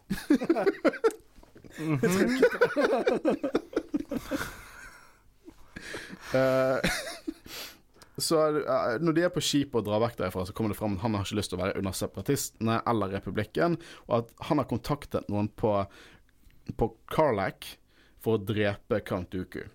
Eh, og jeg, eh, jeg liker den ene scenen han trekker en blaster på Asoka, og hun er bare sånn tar den fra han som det var ingenting. Bare sånn, hva er det du holder på med? Hvorfor har du en blaster? uh, og så forklarer han dette, da, og så stønner han Asoka. Uh, han er en drittsekk. Han er, han er en grinete liten drittsekk. Jeg skjønner, det er kjipt at, at separatistene har, eh, har drept uh, moren. Det er veldig kjipt. Det er faktisk veldig kjipt. Men holy shit, så mye fare han setter Asoka i denne episoden. Som er bare, og han sier, han sier ikke unnskyld engang. Ikke noe anger. Ikke noe regret. Han bare han stønner henne, og hun våkner opp uten lightsaberne sine. Og uh, uten uh, Lux. Han står utenfor og, og ser etter noe. Og Art, han lurer også Art ut å tro at hun bare sover. Ja, hun sover. Jeg har ikke slått henne ut ennå. Hun bare var jævlig trøtt. Eh, så når, eh, når eh, de går ut, da, så, så lurer jo hun på hva faen er det du holder på med. Og Death Watch. Dette er en Death Watch-episode. Eh, og jeg, vi, de kommer og møter disse her, og denne episoden introduserer oss, oss til en karakter som du har hørt om før fra oss, men det er første gang kronologisk canon vi ser henne, Bo-Katan. Du har hørt sikkert små hvisking fra oss. Mm. Små referanser. Kanskje, det kan, kanskje hun kan dukke opp i noe senere. Da er det jo litt dumt at de ikke nevnte at det var Bo-Katan, sånn at jeg tenkte Å, det er jo Bo-Katan, men jeg, for meg var det bare en dame, liksom. Ja, men hun er også spilt av Katie Sackhoff. Ja. Starbucks. Battlestar Galactica. Aldri Ah. sett. Herregud, hvem er jeg? What? Dette er en Star Wars-podkast, ikke Battlestar Galactica-podkast. Hey, nice one. I hvert fall, Hun er stor innenfor Mandalorian Law, hun har- kommer til å ha rimelig stor rolle å spille. R2 har funnet lightsaberen til Asoka, da, men hun, hun merket i forrige ark at det funket veldig bra når R2 gjemte på lightsabers. Vi tenker å gjøre det en gang til. Uh, og de, de sier at Asoka er damen til Lux, uh, han, uh, bethrowed. betrothed. Og eh, hun får en spank på ræven av Bokotan. I hvert fall Asoka driver og snakker om uh, Formidler litt sånn, Dette er Death Watch, det er terrorister, men det er terrorister, så vi ser de fortsatt sett på som terrorister, som ikke er så rart. Og de ser litt mer slitne ut. Litt mer som bikere enn de er i uniform her. Uh, men de, kommer, de drar til Death Watch-basen, uh, og der leker de med å skyte på droider, og det er all fun and games, egentlig, men veldig ondt. Men virkelig nødvendig ikke litt unødvendig? Liksom, er det ikke litt lite kost... Target practice fit. Ja, men de, de står der sånn og ler, bare sånn «Høhø, Dance droid, dance. Det er veldig lite eh, pris kostnadseffektivt Men det er jo en veldig god måte å vise at de er evil. Ja, de er ikke snille folk. De, de dreper uskyldige droider. Ja, og eh, det er mange sånne telt. Minner meg litt om uh, sånn mongolere. Sånn under Djengis Khan, der de setter opp telt på liksom gressplenen og drikker melken sin. Ja, de har, drakk melk. De drakk en sånn der uh, alkohol- Grønn melk. Nei, alkoholmelk. Ayrak, tror jeg det het, etter jeg så Marco Polo-serien. Og det viser seg at Lux han har en sånn type holotrace-device, som er rett og slett at hvis du kommer i en samtale med noen hologram, så kan han finne lokasjonen til denne, det, dette individet. Og det er det han gjorde ved å anklage liksom, offentlig at uh, Kantuku er en morder. Og så nå dra, dro han til Death Watch for at de skulle drepe Dooku etter dette. Og da får vi se Pre Weasla igjen.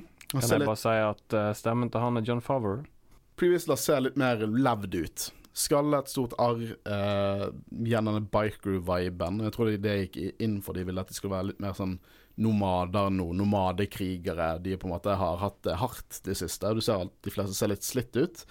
Og eh, det forklares at avtalen Doku og Previsla hadde, gikk litt i dass. Visstnok voldelig. Eh, Så Wiesla vil ha hevn, og eh, han mener da at Lux og Wiesla sine formål matcher. Så Arthur han får beskjed om å reparere noen droider for target practice. Dette er veldig creepy. Det er en haltende gonk-droid. Det er veldig zombie-droider. Det er 'please repair us', 'please reassemble us'. Og Arthur blir sånn creepet ut av det også. Og eh, det som er veldig det, Dette er også jævlig mørkt. Nesten unødvendig mørkt. For det at Death Watch har tatt slaver fra folket på planeten. Møter også en av slavene som er, heter Tryla, og det er bare kvinner. Hva faen hintes det til nå i Star Wars? Lage mat. Det, ja, det er det de hintet til. Ja, men det, det, historisk sett så betyr det noe veldig annerledes. Men vi vi sier det i laget. Ja, ja det blir litt for, litt for mørkt hvis vi skal introdusere sånne elementer i, i, i Star Wars. Eh, men Asoka ble slengt inn der for å tjene, og da dukker plutselig chieftain Peter opp. P Peter. Eh, og det er faren til Tryla, og han sier at Death Watch er ikke velkomne. De har stjålet alle kveene og maten. Og eh, Vislas sier mens han smiler at ja, de drar neste dag, og de skal levere tilbake igjen alt og alle. Og da tar Lux og sånn, slår til Asoka sånn Se de good guys. Han er så dum. Eh, jeg hater Lux. Men Visla han eh, dukker opp dagen etter. Han dreper Tryla med The Dark Saber. Veldig bra. Og eh, det ber The Death Watch brenne byen og drepe alle. Som de egentlig gjør. Asoka klarer ikke å stoppe de her. Nei, det er ganske brutalt, egentlig. Dette er folkene som reddet Mando. Death Watch. Wow. Men eh, jeg håper Mando ikke er like ille som Han er jo ikke det. Men det er mer, det er mer til historien om Death Watch eh, eh, som vi kommer til å se mer ut av. For da, når vi først møter dem, så er de veldig bad. Veldig bad. Men det er mer underfaksjoner innenfor Death Watch, og mer eh, splittede fraksjoner som kommer til å skje senere. Så det kommer til å gi kanskje mer mening at det er mer good guys. Men uansett, Death Watch er Mandalorian-terrorister og ansatt på det så mange. Som igjen syns jeg gjør at det er veldig spennende at det er de som reddet Mandalorian. Så vi kanskje kan vi få noe storybits om det i, i The Mandalorian. For det skaper gråsoner, sant. Og det er det som er det gøyeste. Mm. Nyanser. Eh, men uh, Asoka kan jo ikke bare se på dette, så hun slåss tilbake igjen. Men hun blir selvfølgelig tatt ut når hun ikke har en lightsaber. Og det er i hvert fall at hun beviser at hun er en Jedi, helt klart har The Force. Imens har R2 fikset røytene og ber de om å utføre et opprør mot Death Watch. Og enten så mangler de restaining bolts, I guess, eh, ellers er bare det er veldig farlig å ha droider, rett og slett. Jeg tolker det mer sånn at det var, det var ikke bare Archie ble jo eh, bedt om å fikse det òg, så det kan hende at han har gjort Reprogrammerte det reprogrammerte de, liksom. Ja. Jeg skrev setningen 'vær hyggelig mot din smartphone'. Men eh, Wisla stoler selvfølgelig ikke lenger på Lux, og han vil, eh, han vil eh, straffe Doku og The Jedi. Så han vil ta ut sinnet sitt på Asoka for deres kriminelle handlinger mot Mandalore, og kaller dette her eh, justice. Og får en veldig kul scene, eh, for Soka ligger liksom bundet på bakken, og flere Mandos holder, eh, holder hun nede, men hun får tak i lightsaberne for Arthur og tar en spinner opp og kutter opp halsen til, til de som står der. Veldig kul, med lys og alt. En veldig kul scene. Brutal scene, egentlig. Og da får vi en liten Dark Saber versus Lightsaber fight, eh, som er alltid gøy å se Dark Saber håndtere. Og nå kommer droiden og angriper, med episk musikk. Men er dette egentlig episk? For jeg syns ikke det er episk. Ikke egentlig. Nei, jeg syns det er litt goofy. Det er litt goofy og uh, litt sånn småtrist òg, fordi uh, Artu har liksom uh, fiksa de, og alle droidene dør utenom Artu. Ja, det var mer som en distrasjon, forstyrra Death Watch litt, Mm. mens de andre kan eh, s- eh, stikke vekk. Så liksom eh, alt det R2 gjør for å hjelpe, det er egentlig for ingen del. Vi er ødelagt, fiks oss. Hva kan vi gjøre for å gjøre det bra igjen? Bli ødelagt. Uh, men uh, vi uh, Asoka og Lux og R2 de prøver å slippe unna. Og eh, før dette skjer, da, så har jo på en måte Asoka slått i jetpacken med lightsaberen sin, og det blir til en liten bombe. Og tenker bare, jeg skjønner ikke hvorfor Mando ikke har en jetpack til å begynne med. Det er jo livsfarlig. Men hvor ofte blir uh... Ja, hvis du ser på krigsfilmer, sant? sånn uh, Letters of Iwo Jima og Flags of Father Du ser de folkene med eh, flamethrowers, så typisk. Og så er det noen som treffer tanken på ryggen deres, og så bare sprenger de. Det er sånn det må være å være en Mandalorian. Bare alle har denne jævla livsfarlige flymotoren på ryggen. Det er Bobafett døde jo Ble jo drept, ikke av bomben, men han ble jo indirekte drept av en faulty jetpack. Og Jango Fett, for den saks skyld. Han kom seg ikke unna Mace Windu for det jetpacken hans var proble- problemer med. Eh, Jeg bare tenker at de burde revurdere den teknologien. Men ehm, Lux R2 Asoka prøver å komme unna med en speeder, og Mandalorians er etter dem. Det er en kul liten fight mellom Bo-Katan og Asoka, og så kommer de seg vekk. Eh, Lux hopper derimot rett inn i en escape pod. De kommer tilbake igjen på skipet. Han sier, ikke, han sier at han dra Han ikke kan dra med Soka. At den jævel har jo ikke sagt unnskyld engang. Eh, for han vil ikke bli med til Republikken. Så jeg ser at Asoka har samme smak i menn som Padmay har. Totale, elsker totale psykopater. Uh, og dette var en liten filler-episode, så vi gikk veldig fort gjennom det. Det var passende å snakke om det, for denne story-arken er ikke, den er ikke kjempebra. Men den gir noe interessant innblikk, spesielt i Pre-Wiesla, Death Watch og Lux Bonteri som, eh, og Bo-Katan. Dette er tre karakterer som kommer til å spille større roller i episodene vi skal dekke, og i gode story arcs. Eh, hva syns du, Håvard? Det var veldig interessant å se, og eh, spesielt siden jeg bare har små flashes av Mandalorians i eh, Clone Wars. Eh, så det er kult å se. Og jeg har ikke så bra inntrykk så langt, egentlig. Fordi de, de virker ganske bad guys, men eh, mm, hvis du sier at det blir bedre, at de er litt mer nyansert, så, så, De så stoler jeg blir på dem. mye mer nyansert. Men Kristian, du, du husker jo at du har sett episoden. Ganske lenge siden, så jeg har ikke noe input. Men, men hva, hva synes du er rett For Death Watch har en liten reise i Clone Wars. Ja, det har de. Fra hvordan man kan Fra man går fra at disse er rett og slett terrorister, til at man Man kan heie på de nesten. Ja. Jeg, jeg vil ikke utdype meg om episoden, for det er så lenge siden jeg har sett den, så jeg, jeg, jeg tør nesten ikke å si hva jeg syns om den. Det går helt fint. Jeg må innrømme at det var my bad. Jeg endret på, på listen, og så fikk ikke du eh, sett siste episode. Så jeg, jeg tar det på min kappe. Eh, men vi har hatt uh, Det er litt fort igjennom det siste her, men det er en viktig episode å, å, å se, i hvert fall. Uh, og den bygger opp til mye annet. Filler, men viktig filler. Vi har snakket om to arcs nå. Det er helt klart mer juice i Slaves of Republic-arken. Jeg syns vi har hatt noen ganske interessante samtaler, egentlig. Jeg vil også bare igjen understreke at neste gang dere hører oss, så nerder vi ut over Mandalorian sesong to. Å, jeg gleder meg så mye. Ja. Det blir så gøy.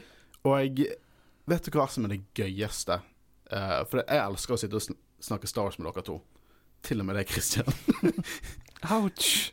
Men det gøyeste, Christian, og det er nesten sånn uavhengig kvaliteten på produktet, det gøyeste som er å diskutere med dere to, er fersk Star Wars. Når vi er så hypet at liksom At vi lager sånne fniselyder. Gøy, en av de gøyeste episodene jeg har produsert med dere, er Rise of Skywalker. Tross for at det kan være en diskuterbart en problematisk film. Elsket å snakke Rise of Skywalker. Jeg elsket å snakke Mandalorian i sesong 1 når det fortsatt var på en måte ferskt i minnene våre. Det, det, det, det, er så gøy å diskutere fersk Star Wars, og jeg, eh, vi skal prøve å produsere de så fort som mulig. Vi, vi ser episodene fredager, vi spiller inn søndager, og vi skal prøve å få ut de episodene så fort som mulig. Så stay tuned. Vi kommer til å produsere én episode for hver av episodene, altså åtte episoder for Jedi Roll totalt. Og eh, godt mulig at vi tar en konklusjonsepisode for sesong to på nyåret, liksom som vi gjorde med sesong én. Så det gleder vi oss ekstremt mye til. Igjen, hvor skal de følge oss? På Facebook og Instagram det er stort sett der. Det er ikke så mye mer å si, da. Hatt det veldig kjekt i dag. Ja. Og mitt navn er Håkon Øren. Og du har hørt på Jedi-radet Sammen har jeg sittet med. All right. Jeg hadde veldig lyst til å si Jeg tror mitt navn er Kristian Øyen Aspen. Jeg tror det er det, jeg også. Og vi snakkes neste uke når vi skal snakke Mando! Den nailer du. Syns du det?